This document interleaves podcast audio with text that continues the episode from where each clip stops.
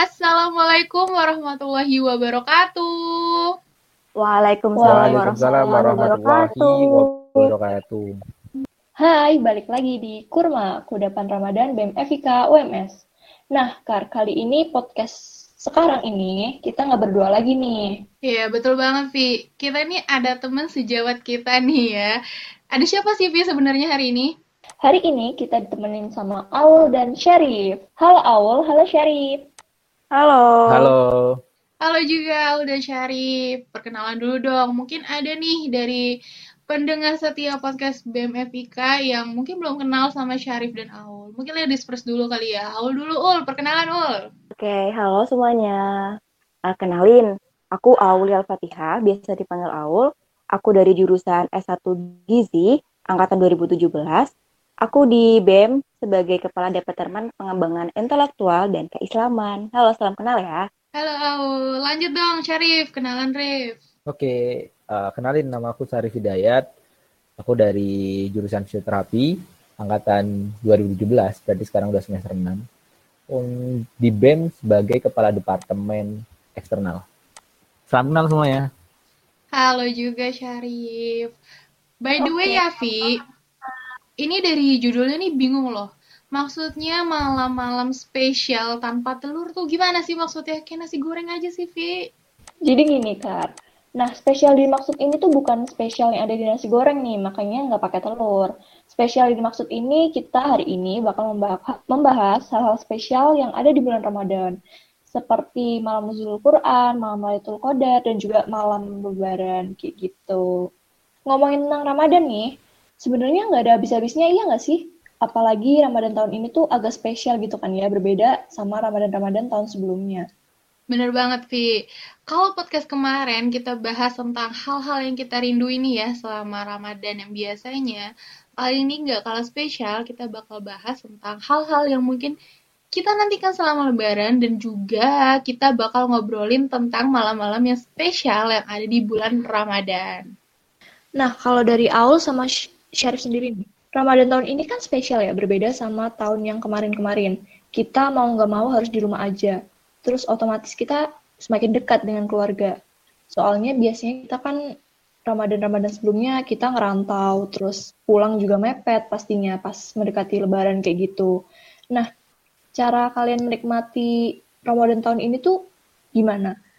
Nah, dari Syarif dulu nih, kayak gimana nih? Kalau dari aku sendiri, cara menikmatinya itu simple banget sebenarnya.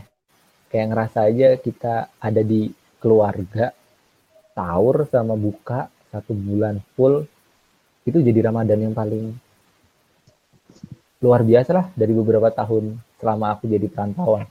Terus cara aku menikmatinya itu mungkin hampir sama kayak teman-teman semua.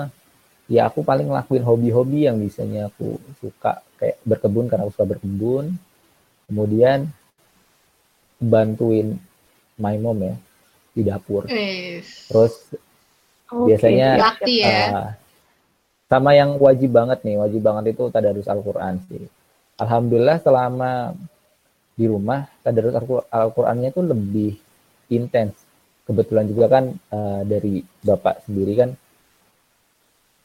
selalu ngajarin buat nyimak ataupun oh ini masih kurang nih jadi kayak semangat untuk belajarnya itu jadi nambah gitu loh kalau ada yang ngajarin itu sih caraku menikmati Ramadan Wah, wah bagus nih bagus. Eh, kalau dari Syarif sendiri nih jadi ini ya, jadi lebih rajin tadarus begitu, sama lebih sering membantu orang tua. Jadi anak yang berbakti ya Syarif ya. Iya, Sebenarnya Kalau dari aku rumah. sendiri ya benar. Nah kalau dari aku sendiri tuh mirip-mirip juga nih sama kayak Syarif. Jadi gimana ya? Biasanya kalau misalnya di rantau jadi jarang tadarus karena kayak kuliah pulang malam, belum nanti ada kegiatan juga, ada tugas gitu, jadi lupa gitu. Terus kadang juga masih suka bandel-bandel nggak ikut tarawih gitu. Kalau misalnya di rumah pasti ikut gitu kan. Kalau misalnya dari Karimah gimana nih? Kalau dari aku, ya sama sih sama sama Ovi, sama Syarif ya nggak beda jauh lah ya. Ya kita lebih mendekatkan diri ya pada Allah gitu kan, mungkin lebih rajin dari sholat, dari tadarus Al-Qur'annya. Dan tadi sebagai anak berbakti tadi itu ya kita mau nggak mau karena kita di rumah juga ngapa-ngapain selain ngerjain tugas kali ya jadi bantu orang tua nih jadi salah Iya satu benar-benar. aktivitas gitu ya di pandemi kayak gini dan momennya juga lagi Ramadan jadi ya aktivitas eh, bantu sebelum berbuka puasa gitu ya itu jadi momen sih sebenarnya nah tadi kan udah dari Iya, betul, Syarif terasa. Iya, tadi udah dari Syarif, dari Aul, dari Ovi. Kalau dari Aul sendiri, momennya gimana nih selama menikmati puasa dalam sama keluarga, tapi di tengah pandemi nih kayak gini? Oke, kalau dari aku sendiri, sebenarnya sama ya kayak teman-teman yang lain, mengambil hikmah dari setiap kejadian, Cila. Cie, Jadi- iya. Mantap. Jadi ya gini, eh, memanfaatkan keadaan yang ada walaupun di tengah pandemik, tapi jangan sampai semangat kita di bulan Ramadan ini juga turun gitu. Tapi kita harus tetap berlomba-lomba dalam kebaikan, tingkatin ibadah kayak gitu ya. Nggak jauh beda sama teman-teman yang tadi udah bilang ya, bisa bantuin orang tua, bisa eh, dari sahur sampai buka bareng sama keluarga. Dan kalau aku sendiri sih mungkin ada sedikit tambahan ya aku di sini bisa belajar jadi ibu rumah tangga yang baik karena bisa ngurus Aduh. ponakan gitu. Belajar jadi ibu yang solehah Emang dan baik hati. Mulai Gitu nyicil ya, Ul, mulai nyicil ya dari sekarang belajarnya. iya benar banget mulai nyicil karena sebaik-baik manusia adalah yang bisa mempersiapkan nanti ya untuk masa depannya bener, bener. gitu. Itu aja sih mungkin. Tapi ya di momen kayak gini nih, pandemi kayak gini, justru mendekatkan diri mendekatkan diri kita kepada Allah gitu nggak sih? Soalnya kita tuh karena di rumah aja, kita mengisi waktu luang kayak yang kita bilang dari tadi, lebih sering tadarus, lebih apa ya, lebih rajin ibadahnya gitu. Nah, jadi kita bisa mengisi waktu-waktu senggang kita buat baca Quran, apalagi di malam spesial kayak malam Lailatul Qadar gitu. Wah iya bener banget Vi, Masya Allah banget ya. Nah sebenarnya nih tadi bahas tentang malam, malam Lailatul Qadar. Mau nanya dulu nih sama Aul, Ul, malam la- malam Lailatul Qadar tuh apa sih sebenarnya? Menurut aku malam Lailatul Qadar mungkin teman-teman udah sering dengar nih tentang malam Lailatul Qadar. Kalau dari aku dan dari banyak bacaan pastinya tentang malam-malam yang ditunggu nih sama umat-umat eh, umat muslim di dunia yang ada di bulan Ramadan, malam yang benar-benar eh, banyak keutamaannya mulai dari pahala kita dilipat gandakan, terus eh, pahala kita juga di apa ya dilipat gandakan segala macam terus ibadah-ibadah kita juga dinilai apa ya nilai plus lah dapat nilai plus dari Allah kayak gitu.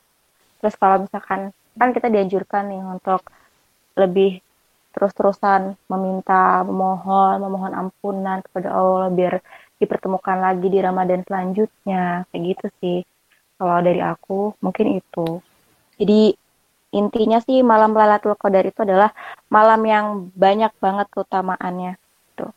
Wow, jadi malam, Ya, malam yang benar-benar malam spesial Lailatul gitu. Qadar itu spesial ya sebenarnya ya. Betul. Malam yang lebih baik daripada seribu bulan ya, katanya gitu. Masya Allah banget. Nah, sebenarnya selain tadi nih, malam Lailatul Qadar itu adalah malam-malam malam yang spesial ya, malam yang ditunggu-tunggu sama umat muslim di dunia bahkan. Tapi Iya. sebenarnya di malam Lailatul Qadar itu apa aja sih yang bisa kita lakuin sih, Rif? Banyak banget sebenarnya kalau ditanyain apa yang bisa dilakuin di malam Lailatul Qadar. Kita itu diberikan kemudahan sama Allah buat menggapai malam Lailatul Qadar itu dengan beberapa cara. Yang pertama pasti sebenarnya ya itu kita harus iktikaf ya. Kita bisa ngelakuin iktikaf, eh, harusnya iktikaf itu di masjid ya. Tapi dengan keadaan seperti ini sebenarnya iktikaf itu bisa kita laksanain di rumah juga kok bersama keluarga. Yang penting istiqomah dan niatinnya eh, hanya kepada Allah. Terus kita juga bisa membaca Al-Quran atau menghafal Al-Quran. Nah ini mulia banget nih. Kalau teman-teman pengen dapetin ketenangan hati, pengen tahu dari kegalauan-kegalauan selama ini, coba deh untuk coba menghafal Al-Quran atau ngebaca Al-Quran dan dibaca tuh artinya, dipahamin. Aku tuh kayak gitu. Jadi aku nggak nggak pernah baca Al-Quran banyak banget, tapi selalu diterapin di rumah, coba baca sama artinya juga dipahamin. biar lebih berkah juga jadi nggak cuma baca aja tapi kita tahu juga sama artinya seperti ini terus uh, karena satu pribadi ya sekarang itu targetnya itu ngejar uh, murotal. Jadi ada beberapa nada murotal yang aku pengen bisa gitu. Dan kebetulan ada si bapak buat ngajarin insya Allah lah. Nah ini masih semangat banget nih buat terus belajar terus belajar. Terus yang berat banget dilaksanain ya biasanya. Kalau teman-teman pengen dapat ridho dari Allah itu bisa coba lah mulai uh, sekarang atau sekarang ya itu buat jalanin sholat malam. Nah, itu the best banget ya itu luar biasa banget. Insya Allah urusan duniawi itu dimudahkan itu sih kalau dari aku. Ini, masya Allah. Oke. Jadi banyak juga ya yang bisa kita lakuin pas malam Lailatul Qadar ini dari mulai tadarus, iktikaf dan juga ini yang memahami arti dari Al-Quran gitu. Terus apalagi tadi yang Syari bilang tuh yang apa namanya? Sholat malam ya. Sholat malam iya. Nah iya betul sholat malam. Jadi emang bulan Ramadan itu tuh spesial banget gitu. Nggak perlu pakai telur kayak nasi goreng tuh udah spesial dia tuh. Iya Vi bener banget. Ngomong-ngomong kan bentar lagi nih bakal lebaran nih. Biasanya kalau kita ngumpul sama keluarga besar gitu ya, silaturahmi, kita kan ngobrol-ngobrol, foto keluarga, yang mungkin nggak bisa di setiap weekend atau liburan nih kita kumpul full team sama keluarga. Biasanya nih momen lebaran nih jadi salah satu momen full team kita kumpul gitu ya sama keluarga. Selain tadi ya ngobrol-ngobrol, foto-foto lah ya buat di-upload di Instagram, ada yang ikonik sebenarnya di lebaran, yaitu kue-kue lebaran yang jarang kita temui di hari-hari biasanya. Ada nastar, ada kue sagu, ada kue semprit, dan masih banyak lagi. By the way, aku tuh seneng banget sama kue nastar. Ya Allah, itu enak banget loh. Gila, Far. Sama nih, aku juga seneng banget sama kue nastar. Tapi selain di kue nastar nih, aku juga seneng sama kastengel. Itu Wah, enak itu banget. Kalau di awal nih, apa kue lebaran yang paling Kalau dari kalau dari aku hampir sama nih bukan hampir sama kali ya sama kayak Ovi aku seneng banget sama Kastengel nggak tahu kenapa aku seneng dan aku yang terbiasa ngehabisin Kastengel jadi gini mamaku tuh sering banget kan kalau misalnya mama nggak sempat bikin mamaku suka pesen Kastengel gitu. Satu toples. Itu isinya tuh sekitar seperempat kilo. Itu bisa habis aku sendiri gitu loh yang makan.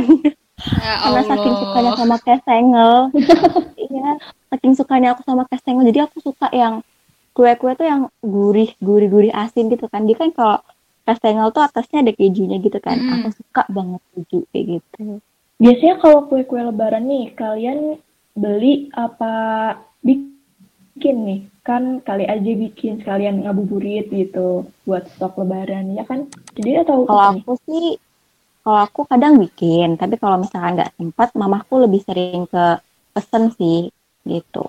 Karena kan biasanya di stok buat banyak gitu kan sekalian buat jadi hantaran buat lebaran kayak gitu. Ke rumah bude rumah pak de ke rumah eyang kayak gitu iya iya. Oke oke. Kalau dari Syarif gimana nih kue lebarannya uh, bikin sendiri atau gimana nih Syarif?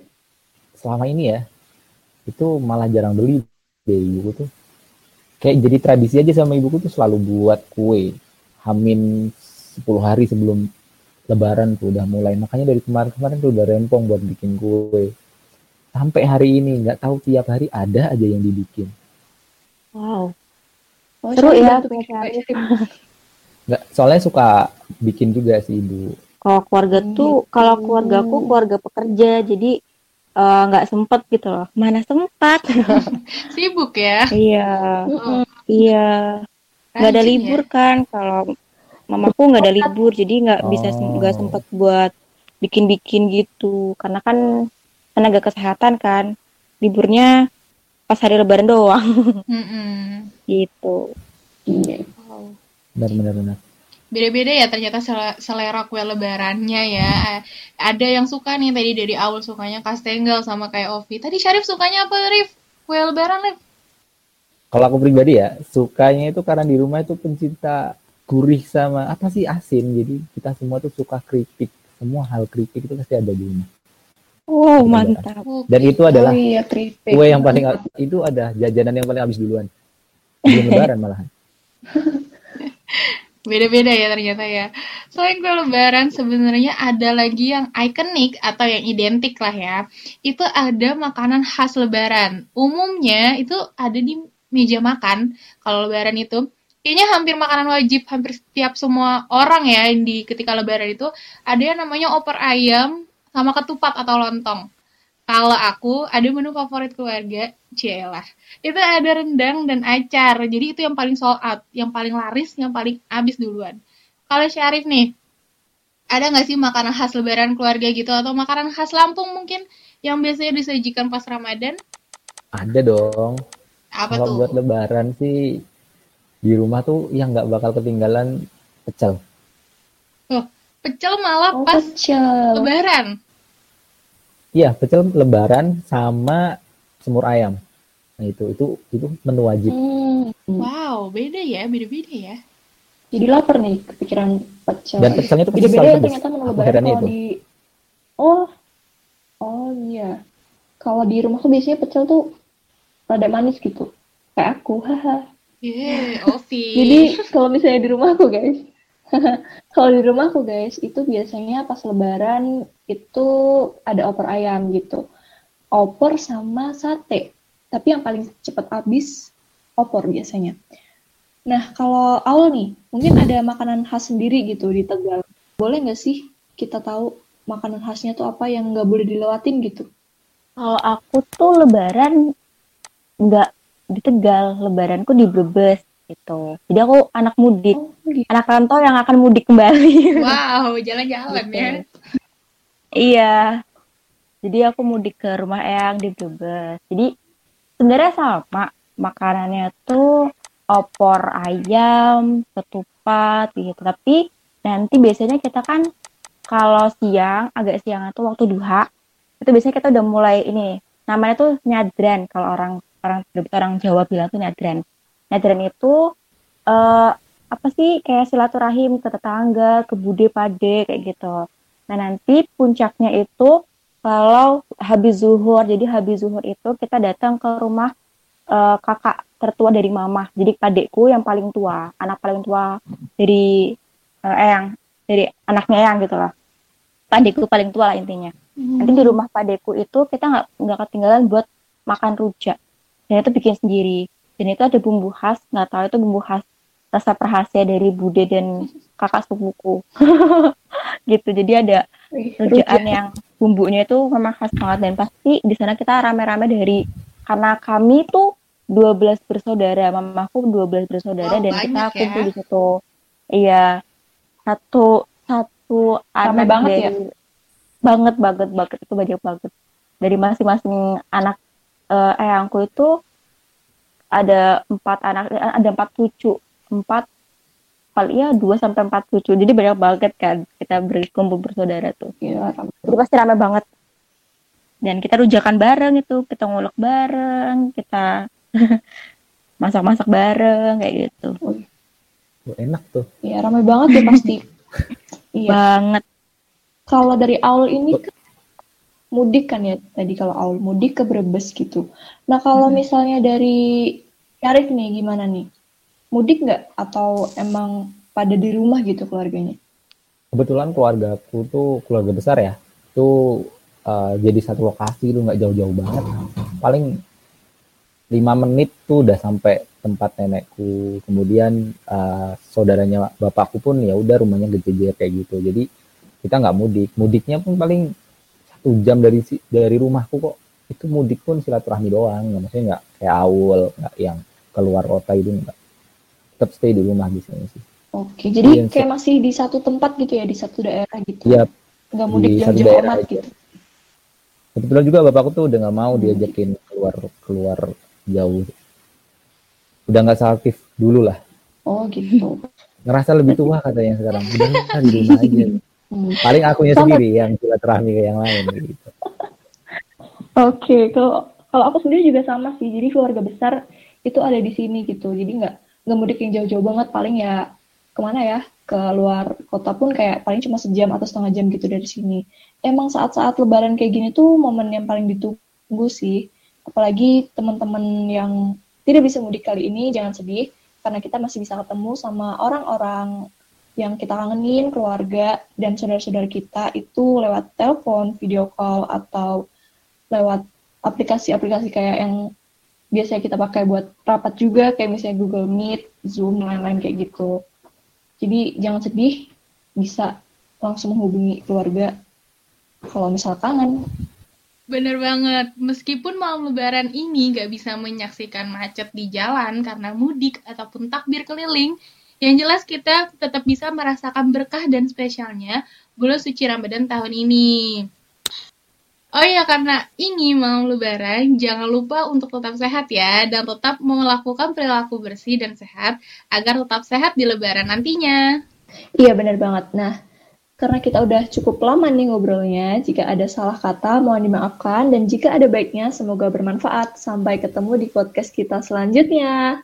Dadah. Dah. Dadah. Assalamualaikum Dah. warahmatullahi wabarakatuh. Assalamualaikum Waalaikumsalam warahmatullahi wabarakatuh. Wabarakatuh. Minal izin wal faizin. Mohon maaf dan batin.